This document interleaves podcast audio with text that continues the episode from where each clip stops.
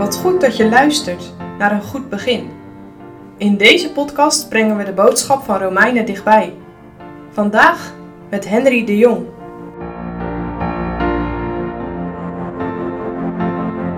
Een levend offer voor God. Vandaag beginnen we met een nieuw hoofdstuk uit de Romeinenbrief. We lezen de eerste twee versen van Romeinen 12. Ik bid u dan, broeders, door de ontfermingen Gods, dat gij uw lichamen stelt tot een levende, heilige en Gode welbehagelijke offerande, welke is uw redelijke godsdienst. En wordt deze wereld niet gelijkvormig, maar wordt veranderd door de vernieuwing uws gemoeds, opdat gij moogt beproeven welke de goede en welbehagelijke en volmaakte wil van God zij. Je hebt vast wel eens de uitspraak gehoord die staat in de brief van Jacobus, dat we daders van het woord moeten zijn en niet alleen hoorders. Daar gaat het eigenlijk om als we dit gedeelte vandaag en de komende dagen zullen lezen en bespreken. Paulus doet hier iets moois. Hij begint met broeders. Hij komt even naast ze zitten. Hij heeft gesproken over Gods ontfermingen of met een ander woord Gods genade. Als God zichzelf nu zo rijk ontfermd heeft over de gelovigen in Rome, worden ze ook geroepen Hem te dienen. En hierbij gebruikt Paulus een woord dat verwijst naar de oud-testamentische eredienst. Daarin stond het offer voor God centraal. Maar de godsdienst voor christenen is niet meer de offerdienst zoals in het Oude Testament.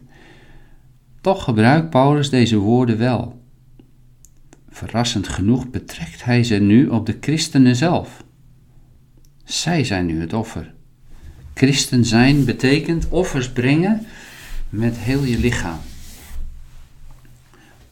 Hoe stellen wij ons hele leven in dienst van God? Niet alleen op zondag als we naar de kerk gaan, maar ook op maandag als we weer naar school gaan of naar ons werk. Vandaag op woensdag of vrijdag als het weekend weer begint.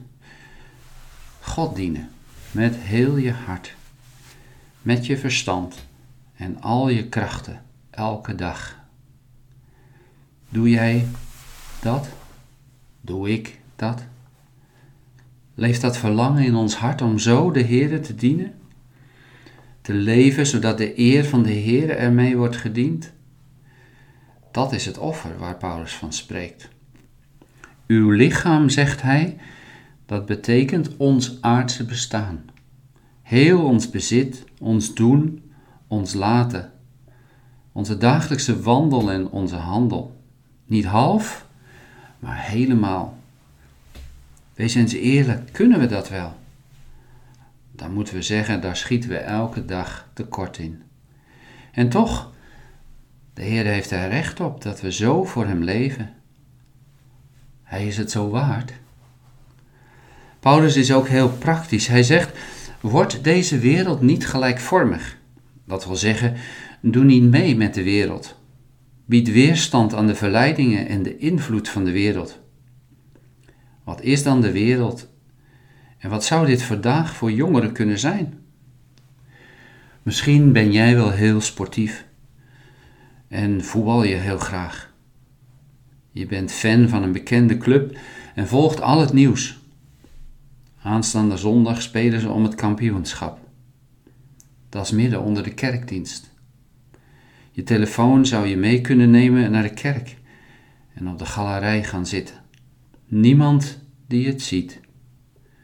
Stiekem af en toe de live blog volgen. Wat een verleiding. Wat doe je? Verleidingen, de wereld. Het kan van alles zijn: geld, bezit, carrière, kleding, sport, muziek, geëerd worden, iets willen zijn. Ja, alles wat je van de Heere aftrekt, waar zonde in zit, waar dingen een hogere plaats in je hart innemen dan de Heere en zijn dienst. Paulus kende ook die strijd tussen de aantrekkingskracht van de wereld en daarom kan hij er ons voor waarschuwen. En hij zegt er nog wat bij. Laat de Heere je hart en je denken veranderen, zodat je gaat begrijpen wat de Heere wil en wat Hij van jou wil. Dat zorgt ervoor dat je een teer hart krijgt waar liefde tot de Heere in woont. Een nauw geweten om weg te blijven van de verleidingen. Je krijgt andere verlangens en leefgewoonten. Je gaat klein denken van jezelf en groot van de Heere. Je gaat aan je naaste denken en hoe je kunt leven tot eer van God. Dat is wat de Heer Jezus onder andere bedoelt wanneer hij zegt in de gelijkenis van de wijze en de dwaze bouwer, niet een iegelijk die tot mij zegt, Heere, Heere, zal ingaan in het koninkrijk der hemelen, maar die daar doet de wil mijns vaders, die in de hemel is. Mag ik je eens vragen, hoe leef jij je leven? Op wie lijk je het meest? Op de mensen van de wereld of op de mensen die de Heere lief hebben? Ben je op zoek naar de wil van de Heere in je leven? Vraag dan in je gebed of zing of zeg het de dichter van Psalm 86 na. Leer mij naar uw wil te handelen. Ik zal dan in uw waarheid wandelen.